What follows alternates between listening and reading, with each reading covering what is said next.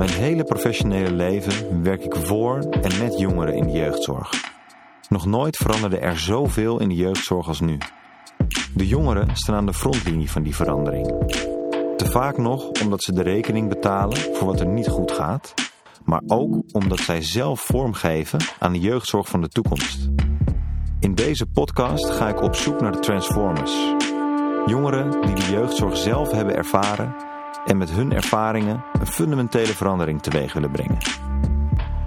Mijn naam is Wiebe van Stenis en vandaag spreek ik Romy Michal.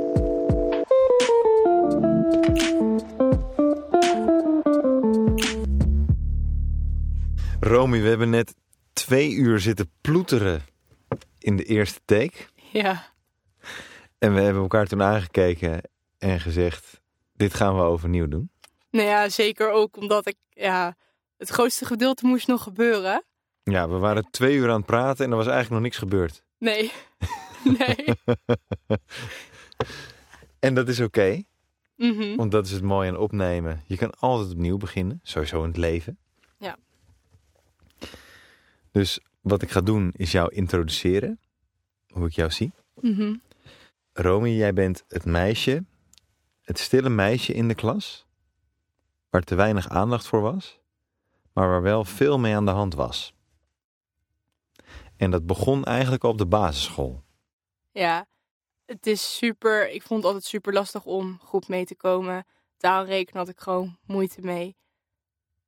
En ja, dat ontwikkelde zich eigenlijk verder. Leeftijdsgenootjes, die, ik had wel contact, maar niet zo ontzettend veel. Ik vond het lastig ook om bij anderen te zijn. Ik sliep bijvoorbeeld ook nergens, omdat ik dat heel spannend vond. Ik had echt thuis was mijn veilige haven. En ja, dat ging zich steeds verder ontwikkelen. Alleen wat wel dan opmerkelijk is, want voor, eh, voor kinderen waar weinig aandacht voor is, zijn vaak de schoolprestaties goed. Mhm. En jij had toch ook al met een aantal dingen wel moeite. Ja, klopt. Het Nederlands op de basisschool vond ik dat wel heel erg lastig. Ik heb ook dyslexie, dus in groep 3, groep 4 is dat vastgesteld ook. En rekenen, dat ging wel aardig. En ja, dan heb je nog van aardrijkskunde, dat soort vakken. Dat ging wel goed. Maar ik heb ook inderdaad groep 5 tot groep 7 heb ik ook hele intensieve dyslexiebegeleiding gehad. En dat heeft me wel heel erg op weg geholpen, waar ik eigenlijk iedere dag nog plezier van heb dat ik gewoon wel de taal goed beheers. En natuurlijk blijf ik het wel lastig vinden. Maar ik heb inmiddels wel mijn draai daarin gevonden. Ja. Ja, dus eigenlijk in het, in het didactische of, de, of hetgene dat je moest leren, daar, daar heb je wel ondersteuning in gekregen en omgaan met je dyslexie. Mhm. Maar op het persoonlijke vlak Niet. heb je, heb je wel wat gemist. Ja, eigenlijk heel veel docenten die je wel zagen, maar eigenlijk ook weer niet. Mijn ouders zaten ook wel regelmatig op school. Niet om ieder poespas, maar wel om te laten zien: dit is een stille leerling. Onderschat haar niet. Er komt meer uit. Het zit er nu niet in, maar let, let op haar. Dat was eigenlijk de boodschap van mijn ouders. Ja. En ik, ja, het ging wel goed, maar ook weer niet. Ik had er niet zoveel last van. Mijn, mijn ouders zagen meer van, joh, hier moet wel aandacht voor komen. Dat zij niet straks helemaal ja, overrompeld wordt. En je zegt, de leraren zagen me, maar zagen me eigenlijk niet. Nou ja, Wat betekent dat? ik was er wel natuurlijk. Ik was fysiek in de klas en ik deed ook gewoon mee. Maar er werd nooit echt gevraagd, joh, gaat het ook echt goed? Want inderdaad, wat jij zegt, schoolprestaties, die waren verder gewoon goed. Ik had wel moeite met vakken. Maar ja, qua persoonlijke ontwikkeling, wat er verder gebeurde, daar is eigenlijk niet zo heel veel ruimte voor, zeg maar. Op de basisschool niet eigenlijk. Want dan is het echt van, joh, dat leer je wel op de middelbare school. Ja. Dus jij ging naar de middelbare school. Was je tevreden met je, met je schooladvies? Ehm, nou ja, op dat moment wel. Ik ging VMBO basis doen, dus het laagste van VMBO.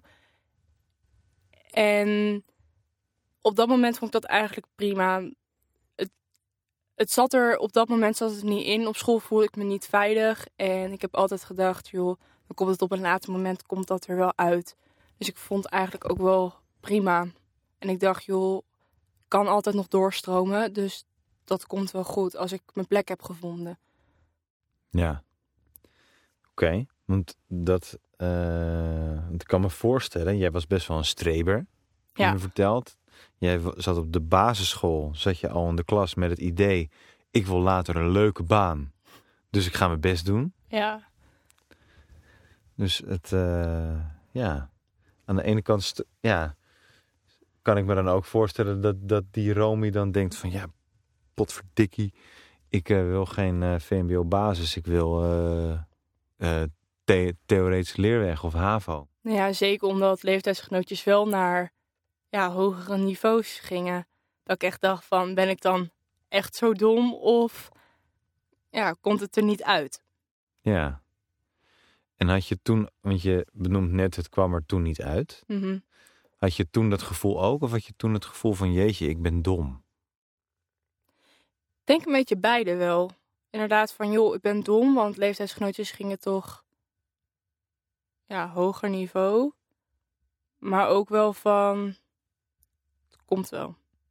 Weet je wel, er gaat een moment komen dat, dat het er wel echt uitkomt. Maar wanneer, ja. Dat Waar kwam dat vertrouwen vandaan? Ik denk dat dat echt interne of wie- ja, hoe noem je dat? Eigen motivatie is geweest. Echt vanuit mijn eigen kunnen van er gaat ooit een moment zijn. Het hoeft maar één persoon te zijn die gaat zeggen, joh, jou hebben we nodig. Jou als persoon zijnde. En als jij op je plek zit, dan ga je ook heel hard. Als in je werkveld, maar ook gewoon als persoon ga je Ja. echt enorm groeien. Maar zo'n persoon moet je wel zien te vinden. Ja, iemand die het in je ziet zitten. Ja. En je had wel, ondanks ja, dat, het, dat het niet allemaal vanzelf ging, had ook de 11, 12-jarige Romy had wel het gevoel van, eh, nou het komt nu niet, maar eh, ik blijf strijden, want dat moment gaat er ooit komen. Ja, zeker. Omdat ik dacht ook van eh, de basisschool ging ik naar het VMBO, ging ik creatieve opleiding doen. En ik vond het super fijn om met mijn handen bezig te zijn. Dus ik dacht, joh, dat wordt het gewoon later. En ik ga gewoon met mijn handen werken. Daar ben ik gewoon goed in. En dat, ja, natuurlijk moet ik nu een diploma hebben om later wat leuks te kunnen gaan doen.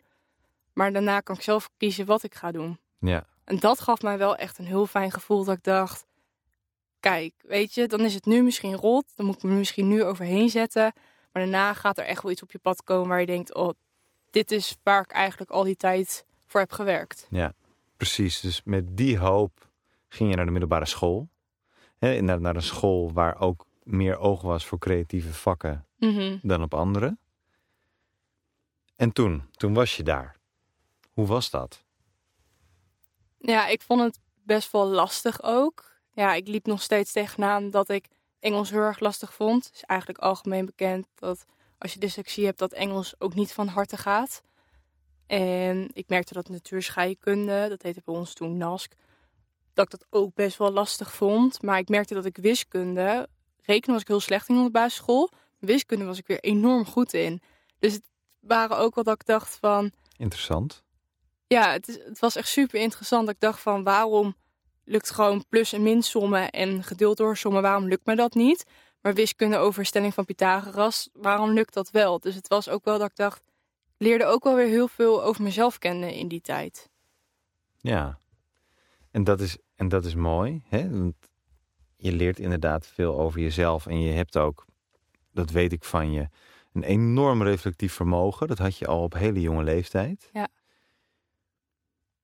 Maar je vertelde ook dat je, omdat je dus een streber was en op een andere manier op school zat. Jij zat niet om lol te trappen of vrienden te maken. Jij zat daar om te leren om later een toffe baan te krijgen. Ja, Dat maakte ook wel dat jij heel anders was dan de andere kinderen. ja. Ik heb me denk ik ook best wel eenzaam gevoeld in die tijd, ondanks dat ik dat misschien niet heb uitgestraald. Ik had wel vrienden en ik had wel klasgenootjes en ik ging naast mensen zitten. Maar het is niet dat je zegt, joh, ik heb een fijne periode gehad op de middelbare school. Het was een hele moeilijke periode en ook hier is misschien, hier kwam misschien nog wel meer naar voren toe dat ik inderdaad die stille leerling was en dat er niet naar om werd gekeken. Omdat, ja, ik ging basis doen. Nou, dat ging eigenlijk best wel goed en ik haalde 8's, 9's en 10'en. Nou, een niveautje hoger. En dat ging eigenlijk ook wel goed. Maar eigenlijk qua gevoel van binnen, ja, ik wist daar niet goed mee om te gaan. Ook omdat ik me anders voelde dan anderen. En dat heb ik eigenlijk al wel vanaf hele jonge leeftijd al gehad. Dat ik anders tegen dingen aankeek. Ja. Heb je daar een concreet voorbeeld van? Nou ja, wat ik al zei, zeg maar, ik zat daar echt om straks een leuke baan te hebben. En anderen zaten er echt om, om herrie te schoppen. En nou ja, wel te leren ook, maar ook gewoon ja, herrie te schoppen. Ja, ja. Ja, dus dat, dat maakte dat je je eenzaam voelde. Dat liet je niet zien. Waren er wel plekken waarop je dat wel uitte? Ja, thuis denk ik voornamelijk. Ik weet niet anders dat mijn moeder altijd thuis is geweest. Daar hebben mijn ouders toen bewust voor gekozen. Ik ben ook nooit naar de opvang geweest na de basisschooltijd. Dus ja, als ik thuis kwam, was mijn moeder soms wel de pineut. Dat alles eruit kwam, zeg maar. Mhm. En ja, soms vraag ik me wel eens af hoe ze die periode heeft ervaren. En dat vraag ik soms ook wel eens. En dan zegt ze van... Weet je, jij, jij moest je ei kwijt omdat je dat op school niet kon met leeftijdsgenootjes. En dat vertrouwen met docenten, dat was er al helemaal niet. Dus ja, dan moet je het ergens kwijt kunnen. En ja, je voelt je hier wel gewoon goed. Dus we, vinden, we zijn al lang blij dat je dat überhaupt wel gewoon tegen ons vertelt. En niet daar zelf mee blijft rondlopen. Ja. En je zegt geen vertrouwen in docenten. Ja, eigenlijk nadat ik op de middelbare school was begonnen, dus na de kerstvakantie, begon de klas heel druk te worden. En stonden op een gegeven moment ook bekend echt als de drukste klas van de hele school. Nou ja, onze school was niet zo heel groot. Het was 400, 500 leerlingen en ik denk iets van 30, 40 docenten. Maar die docenten hadden het eigenlijk helemaal niet onder controle, onze mentor. En ik heb toen heel vaak daar gezeten van, joh, ga, kunnen we niet wat met die klas gaan doen? Meer van, ik wil rust om te kunnen leren. En dat die zeiden van, ja, nee, dat kan niet. En ja, dat komt vanzelf wel goed. En ja, en dat is eigenlijk in de tweede ook gebeurd, zeg maar. Ik werd echt ondergedompeld zo van, joh, wat maakt het uit? Het gaat goed met jou, waarom, waarom zullen we hier iets aan gaan doen? Ja, dus jij trok zelf aan de bel. Ja. Bij je mentor, neem ik dan aan. Ja. En, en eigenlijk wat je terugkreeg was, ja, je schoolprestaties zijn goed. En ja, de klas is druk, maar eh, ja, Mhm, dat is nou helemaal zo. Deal ermee. mhm. Moet ik het zo zien? Ja, eigenlijk wel. Wat ik gewoon best wel jammer vond natuurlijk. Want ik, ik was ook wel dan... Ik was wel die stille leerling, maar ik was ook wel weer die leerling die zijn mond opentrok naar een docent, wat andere leerlingen niet deden. Maar als er dan bijvoorbeeld iets gebeurde, iets met mij gebeurde, dan stonden die leerlingen dan weer niet achter me, zeg maar. Dus dan was ik weer een individu, zeg maar.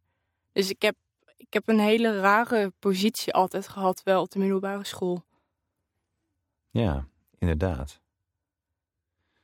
Dus je was, dus, maar deed je wel, als je die leerling, of die leerling, als je die leraar aansprak, deed je dat dan wel klassikaal of deed je dat na de les?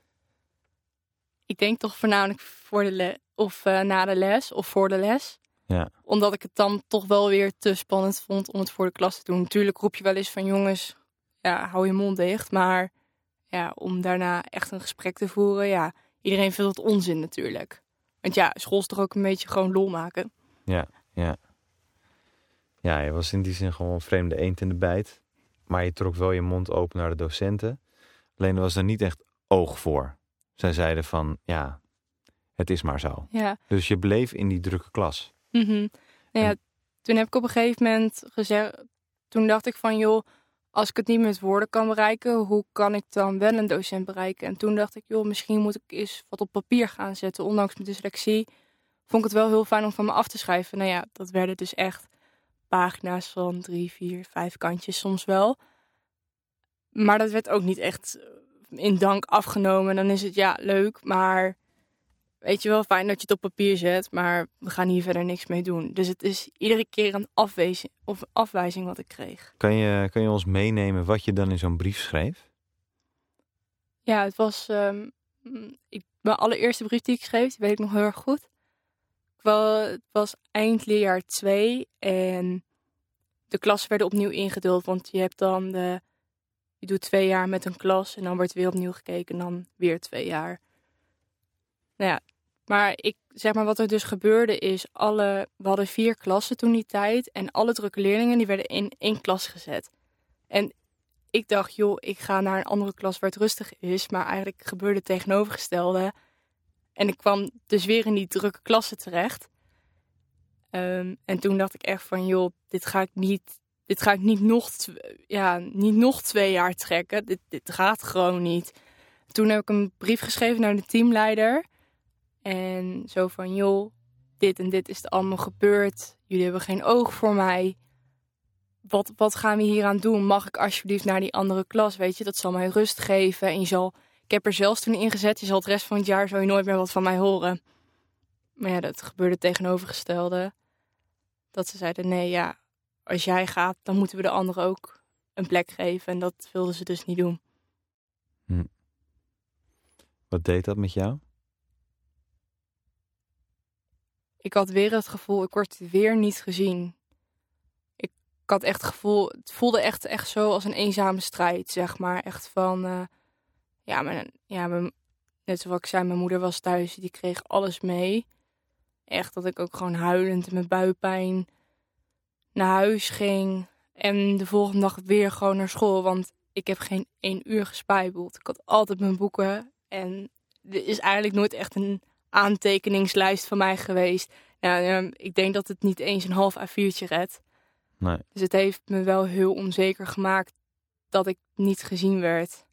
Ja, en dat het niet de moeite waard is wat jij zegt. Nee, want waarom zou er naar een leerling geluisterd worden? Terwijl jij moet daar op school zitten en jij moet een fijne tijd hebben, want dat zeggen ze allemaal. Maar als je dan om een hulpvraag stelt, dan krijg je nee te horen. Ja. Dus je, je zegt net,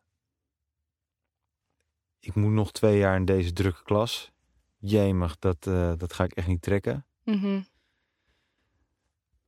je, je benoemt ook dat je er uh, last van begint te krijgen. Pijn in je Mhm. hoofd, pijn in je buik. Mhm. Begon dat zich in meer dingen te uiten dan? Dat je het niet meer trok, die drukke klas? Nou ja, op een gegeven moment kreeg ik dus, ik ging naar de derde. En eigenlijk al heel snel begin van het schooljaar zat ik heel laag in mijn energie ook. Na school ging ik bijslapen. Toen zeiden mijn ouders zo van, joh, dit is, ja, dit ben jij gewoon niet. Ik zie je gewoon veranderen. En toen ben ik bij een soort, ja, zo'n vrouwtje terechtgekomen. En er kwam toen zo'n statistiek kwam eruit en het waren dan 20 lijnen.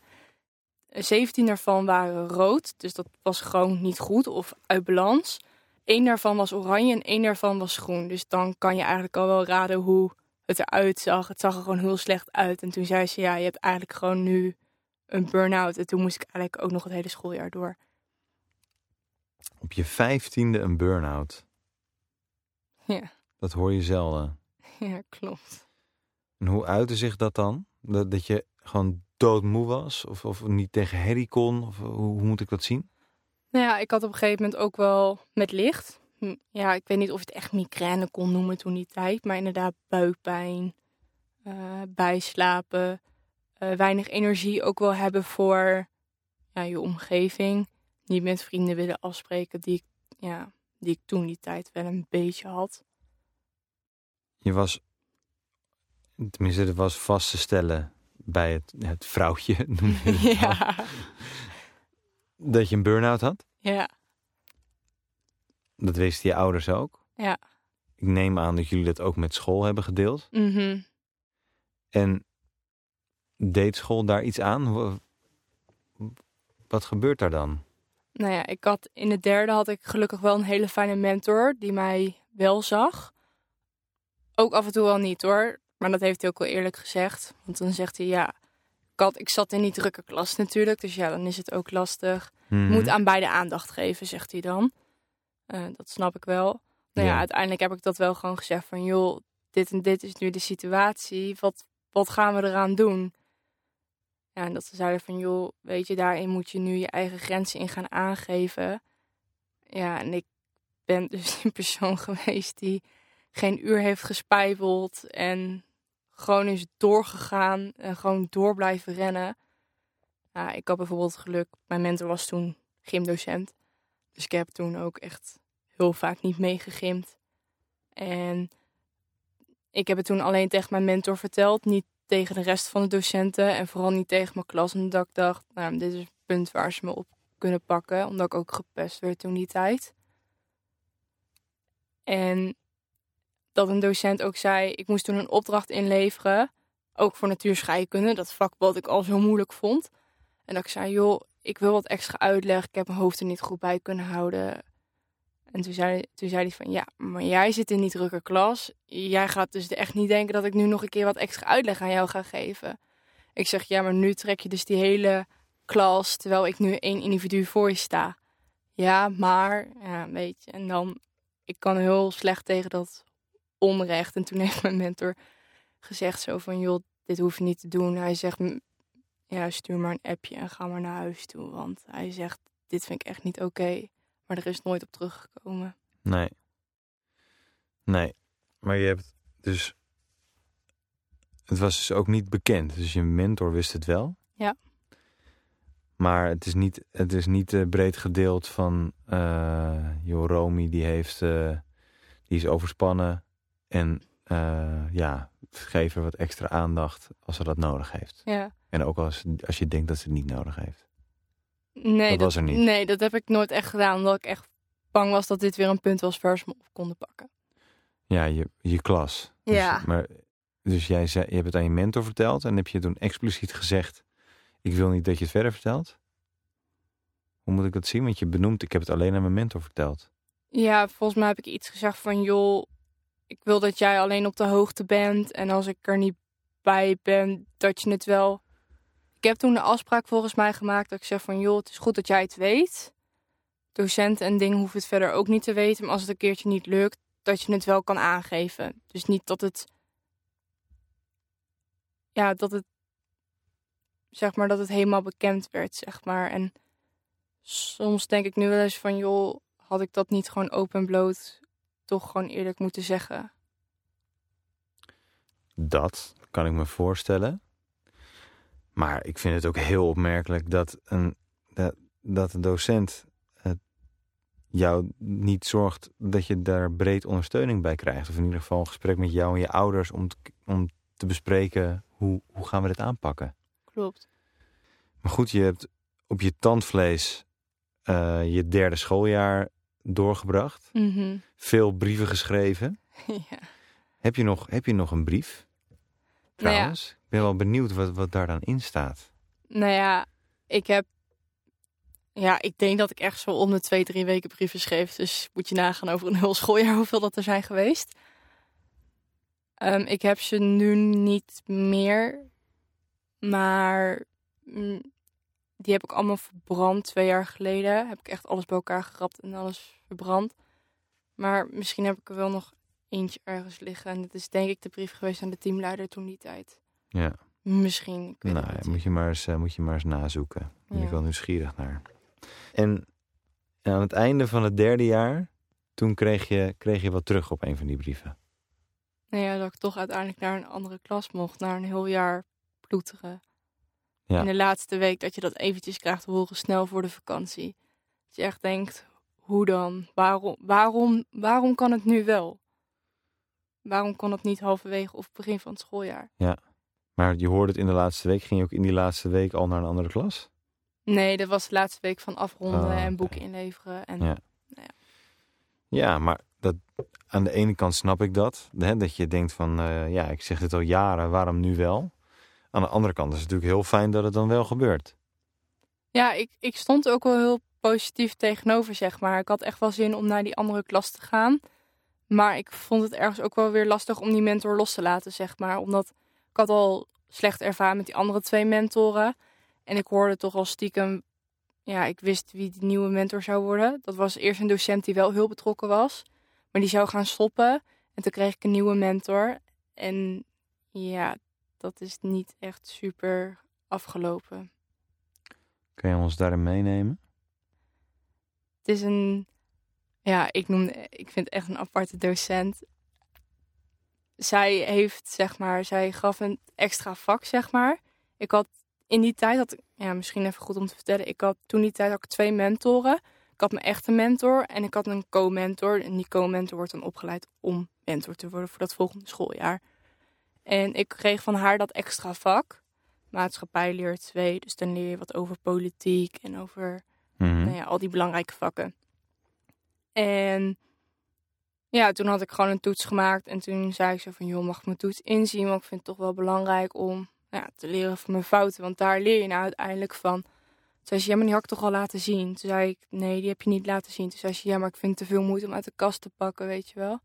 En toen heb ik op een gegeven moment gedacht, joh, als jij er zo in staat, wat ga ik dan aan jou hebben? En ook opzien tegen het eindexamenjaar. Of nee, ja, ik zat in het examenjaar. Dus ook daar tegenaan kijken, zo van, joh, als jij nu al zo gaat doen, moet je nagaan straks. Want ik was echt best wel gespannen voor dat examen. Ja. Want ik moest en zou het eigenlijk in één keer halen. Dus eh, in het laatste jaar had je een minder drukke klas. Ja. Alleen had je toen de mentor niet Mhm, die je oog voor je had. Klopt. Als je ze mogen kiezen, wat zou je dan kiezen? Nu?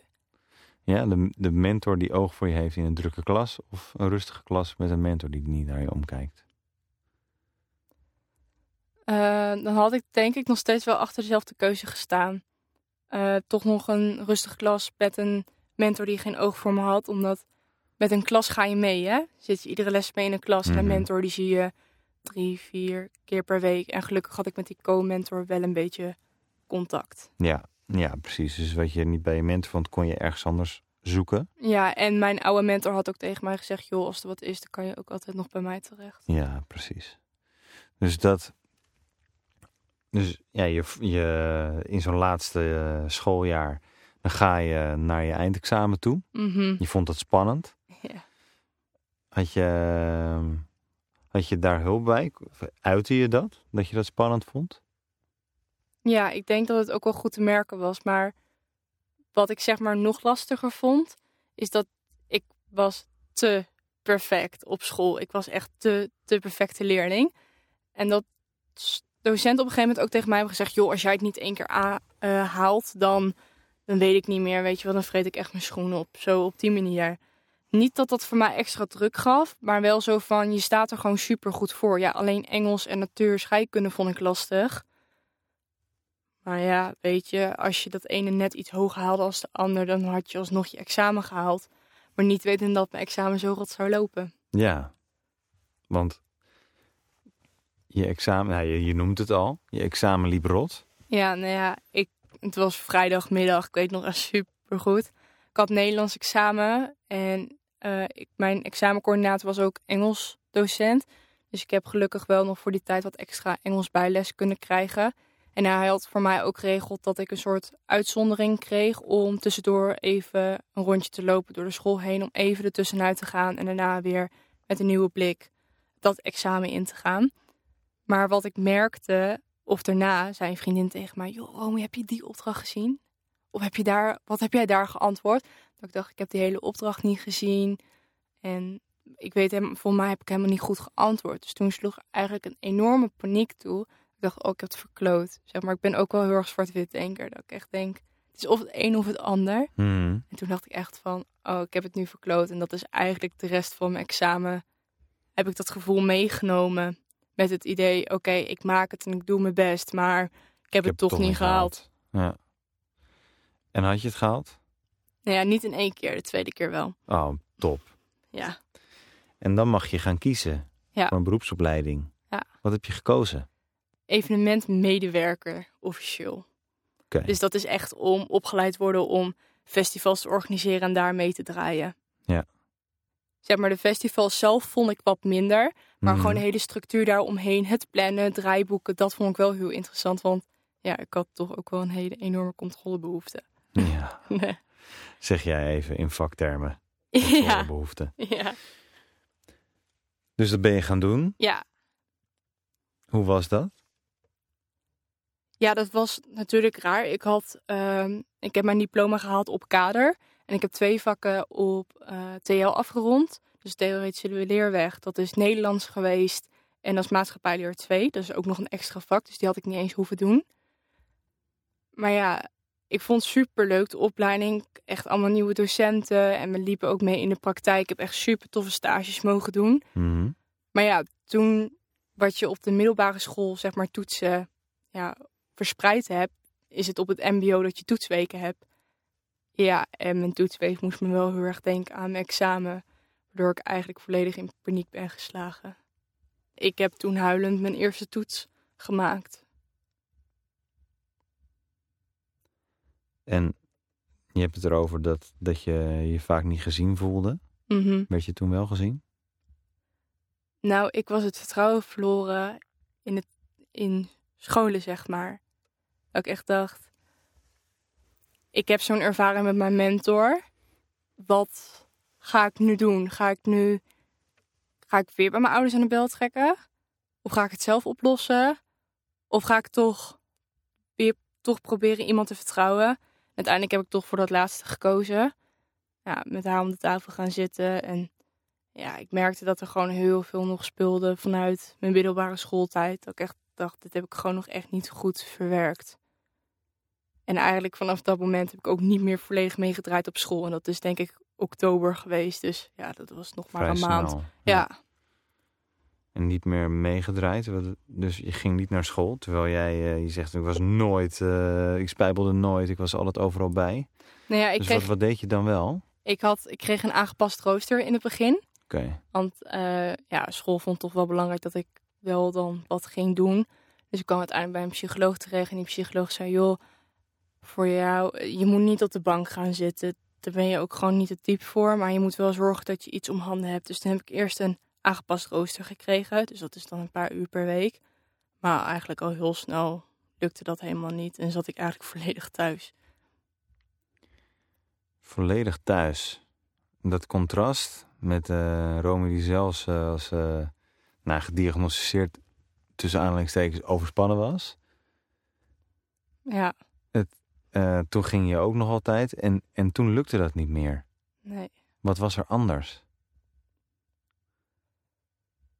Wat er anders was, is zeg maar, ik had het gevoel dat ik dit nu eerst moest verwerken voordat ik weer door kon gaan. In die tijd, eigenlijk kwam ik ook al heel snel achter dat ik gewoon een depressie had. Ik wist niet eens wat een depressie was. Nee. Dat is toen dat zij dat tegen mij zei. En toen zei ze van ja, hier moet je wel echt wat mee gaan doen. Dus ik had, ik denk dat het eerst dat weer die burn-out even heel snel is teruggekomen. Dat dat heel snel is omgeslagen naar een depressie. Ja. Maar het contrast van thuis zitten, ja, dat was enorm groot. Ik voelde me. Ik heb me best wel schuldig gevoeld tegenover mezelf. Niet eens tegenover mijn omgeving, maar meer zo van: joh, Romy, eigenlijk kan je het helemaal gewoon niet. Mhm. En dat vond ik wel heel confronterend. Ja. Gewoon van altijd van op tijd en overal. En, en dan nu opeens gewoon helemaal niks. Je kan het helemaal niet meer opbrengen. Nee. Want hoe is een, hoe is een depressie door de ogen van een 16-jarige? Mm, Ja, gewoon echt, echt nergens zin meer in hebben. Ik lag ook echt alleen maar op bed. Het enige waar ik eigenlijk mijn bed nog voor uitkwam, was therapie. Nou ja, dat was een uurtje in de week. Ja, wel proberen wat te doen, maar eigenlijk lukte het gewoon niet. En toch ook wel, ja, op een gegeven moment dat je ook gaat zoeken naar een kopingsmechanisme om het toch iets minder heftig te laten lijken. Of voor jezelf dat je jezelf niet meer zo straft, zeg maar. Dus ja, toen ja, kwam op een gegeven moment ook wel zelfbeschadiging om de hoek kijken. En ik wilde eigenlijk ook niet meer verder zo. Want ja, het was voor mezelf, was het... Ik was voor mezelf was ik gefaald. Ja. En zelfbeschadiging, Mhm. hè, dat, eh, dat is iets wat niet iedereen misschien begrijpt. Waarom je dat doet, Mhm. waarom iemand dat doet. Kan jij uitleggen waarom jij dat deed? Voor mij was het echt puur een stuk rust dat ik in mijn hoofd, hoofd kreeg. Gewoon even, even niet hoeven voelen. Even gewoon erbuiten en even gewoon jezelf, zeg maar. Maar voor mijn omgeving is het echt super confronterend geweest. Ja.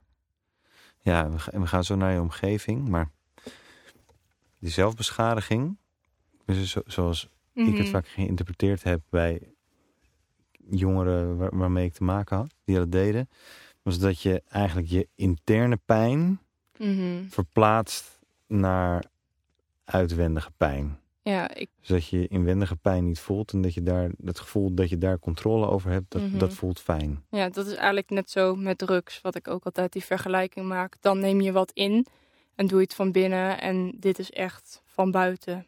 Ja. Maar wel opvallender natuurlijk. Dus, eh, dus ja, eigenlijk zelfbeschadiging was jouw drugs, eigenlijk kan je bijna zeggen, op dat Ik, moment. ik zie het ook echt als een druk. Ik zie het echt wel als een verslaving ook. Zelfbeschadiging.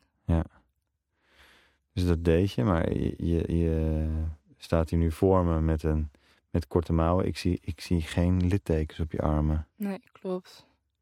Gelukkig hoefde het voor mij niet zo heel diep en ver zoals je van sommige meiden, jongens wel ziet, zeg maar. Goed. Dus we hebben een, eh, een Romy 16. Wie ben je dan, als ik even meetel? 17. Ik was net 18 geworden. Oh, net 18.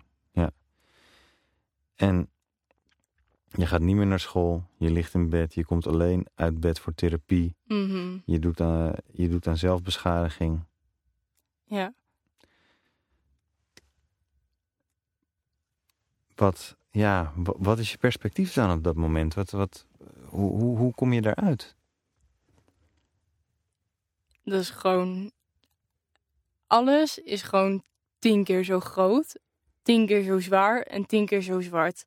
Zo zie ik het ook echt. En zie daar maar is gewoon een paar stappen in de goede richting te zetten. Ja. Dat is gewoon geen doen. Nee. Daar heb je echt gewoon hulp bij nodig. Dat, dat kan je niet in je eentje. Ik was ook wel een persoon die dacht, ik los het zelf allemaal wel op. Maar zo werkt het gewoon niet. Dit was te groot, te zwaar, te veel gebeurd. En dit kon ik echt niet in mijn eentje oplossen.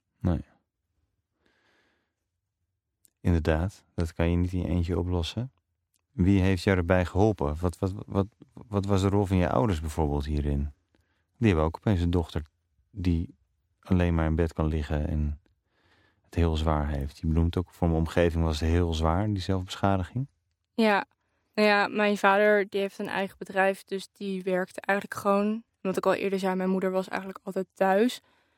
Dus ja, opeens een dochter die eigenlijk altijd op school zat, naar iemand die thuis is. Ja, zij moest er draaien, moest ze ook vinden. En die vond het ook lastig en die vond het ook...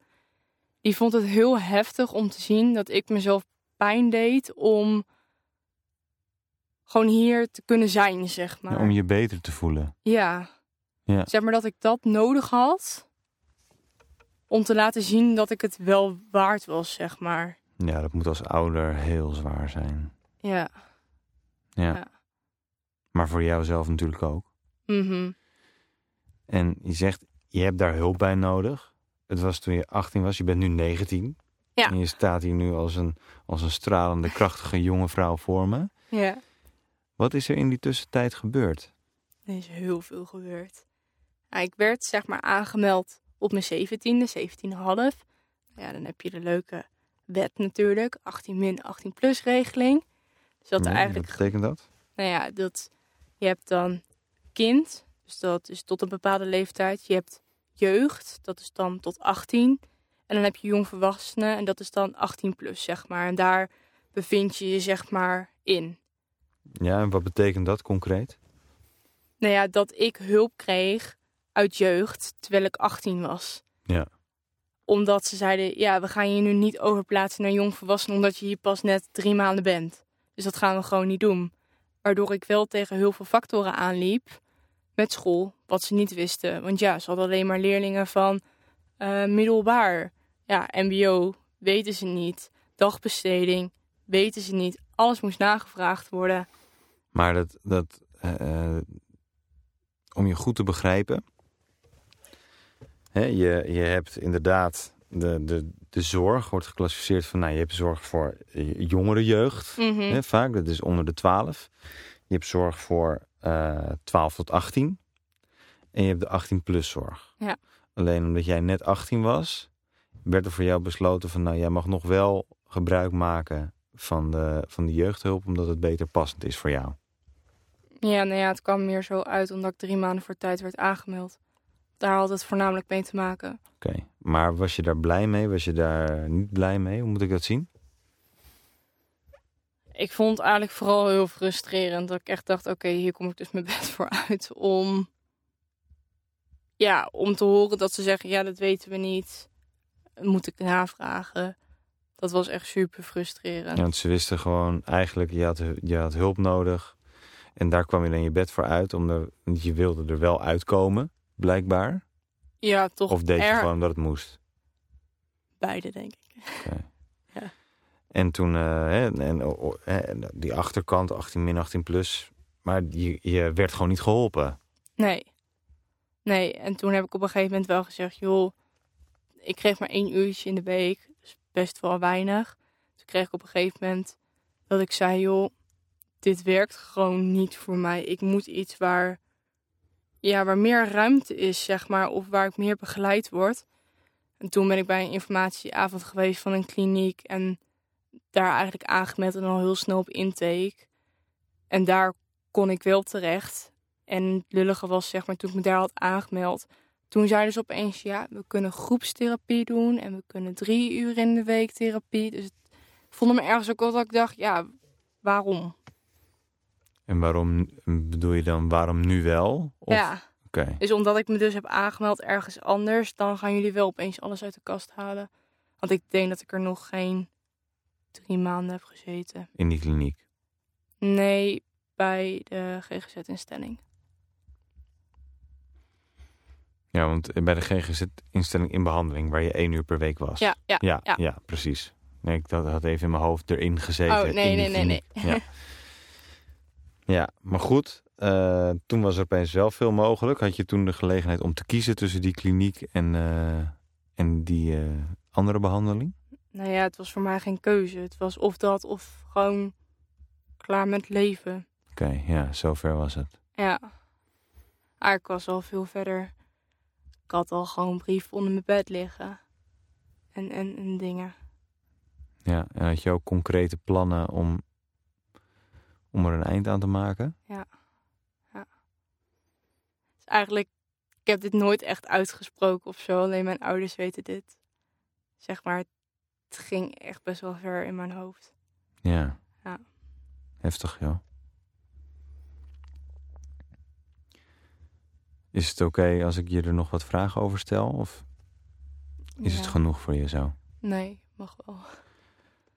Want hoe, hoe, hoe uiten die, eh, die eh, suïcidale gedachten zich dan? Maar, eh, heb, heb je dan zoiets van, nou, ik, ik, ik zie het niet meer zitten. Ik, ik ga manieren bedenken om mijn leven te beëindigen?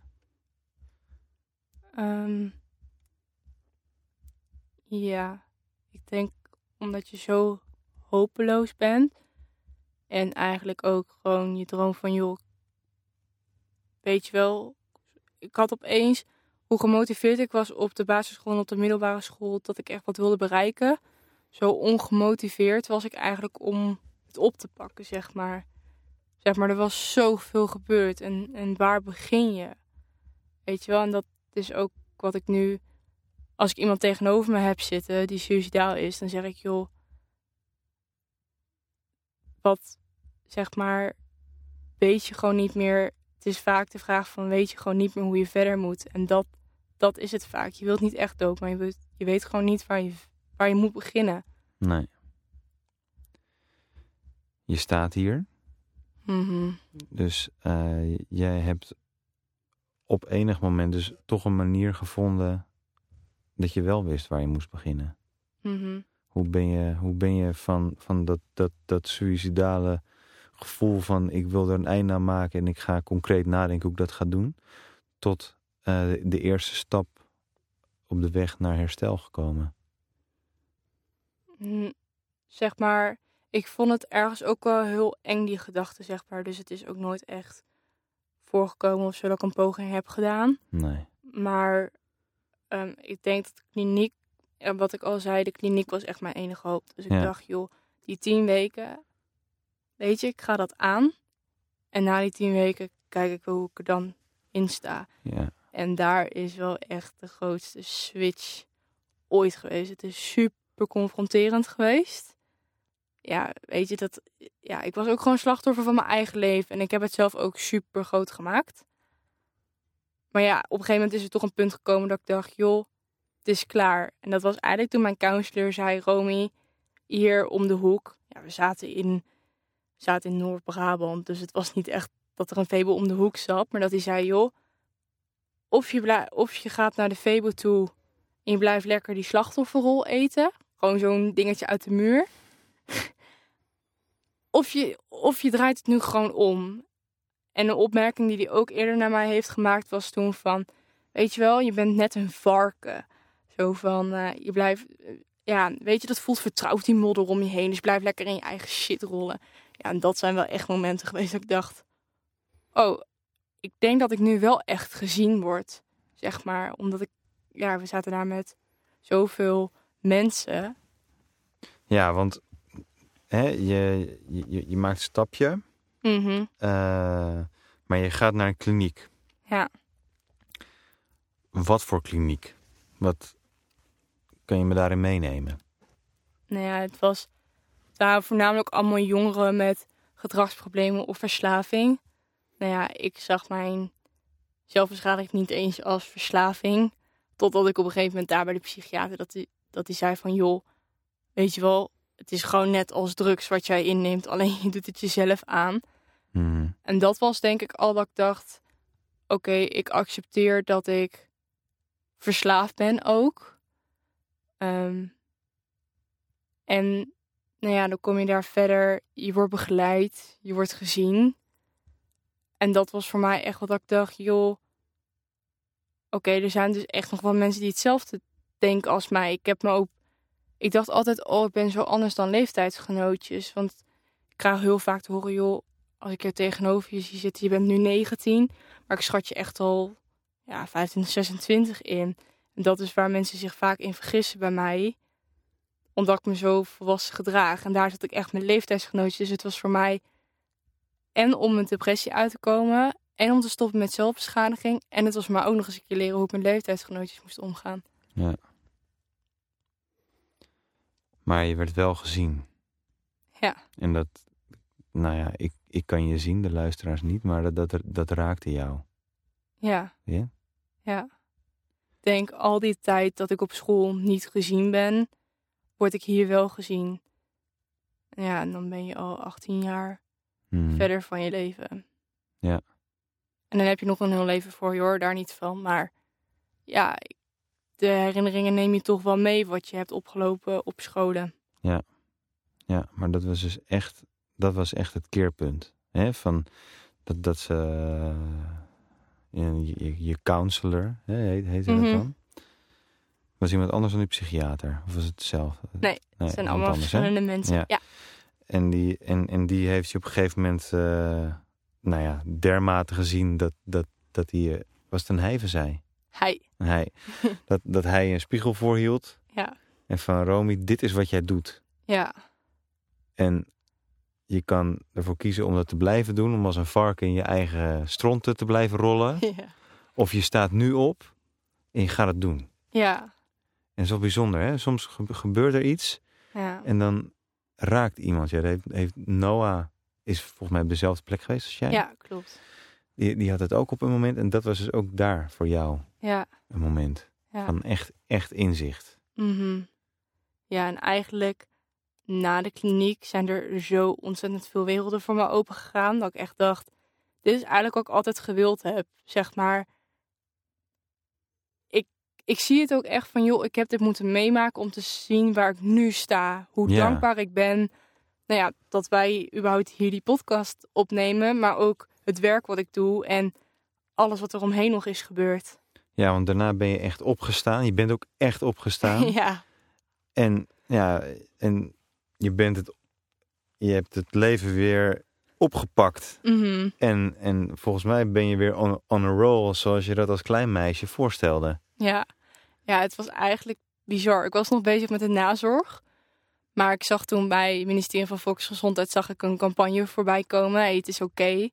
En dat ging eigenlijk over angsten. Nou ja, eigenlijk na toetsen en dat soort dingen kan je echt wel zeggen dat ik enorme faalangst heb. Dus ik heb toen de stoute schoenen aangetrokken en ik heb toen gemaild. Ja, en uiteindelijk heb ik dus in die reclame gezeten van het ministerie van Volksgezondheid. En daarna is het voor mij ook heel hard gaan rollen. Maar Ja. dat is echt wel mijn beginpunt geweest. Dat ik dacht, oké, ik moet dus ook eigen initiatief tonen. Ik was ook best wel afhankelijk van mijn ouders. Maar ik Ja. heb nu echt dat ik denk, joh, ik kan het zelf allemaal. En ik mag hulp vragen. Het is heel belangrijk om te beseffen, ik hoef het niet alleen te doen, maar ik mag hulp vragen. Ja, en dat is wel. eh, Ja, ik vind het wel echt heel bijzonder hoor. Dat je gewoon echt zo'n keer, echt een keerpunt hebt gehad. Ja, Want het, ja, je, het is echt alsof je jezelf even helemaal kwijtraakte, afgleed. En dat iemand net op tijd aan de poort heeft gerammeld bij je van eh, Ja. let op. En, en opeens, opeens heb je het weer. ja, en ik, Heel bijzonder vind ik dat. Ja. En dat is ook wel echt mijn kracht. Ik denk, die drive heeft altijd in me gezeten. Ja, en, en die kracht, Romy, Mhm. daar gaan we de volgende aflevering verder op. Ja, Dan, eh, ja, dat ga ik gewoon nu zeggen. En zullen we alvast een teaser doen? ja, is goed. Ja, we gaan volgende, de volgende podcast gaan we om de tafel met Lisa Westerveld, Mhm. voorvechter voor de jeugdzorg en onderwijs Ja. in de Tweede Kamer, Mhm. over de ideeën die jij hebt, ja. hoe het beter kan. Top, Ik ben heel benieuwd. ik ook. Ik ben trots op je. Dankjewel.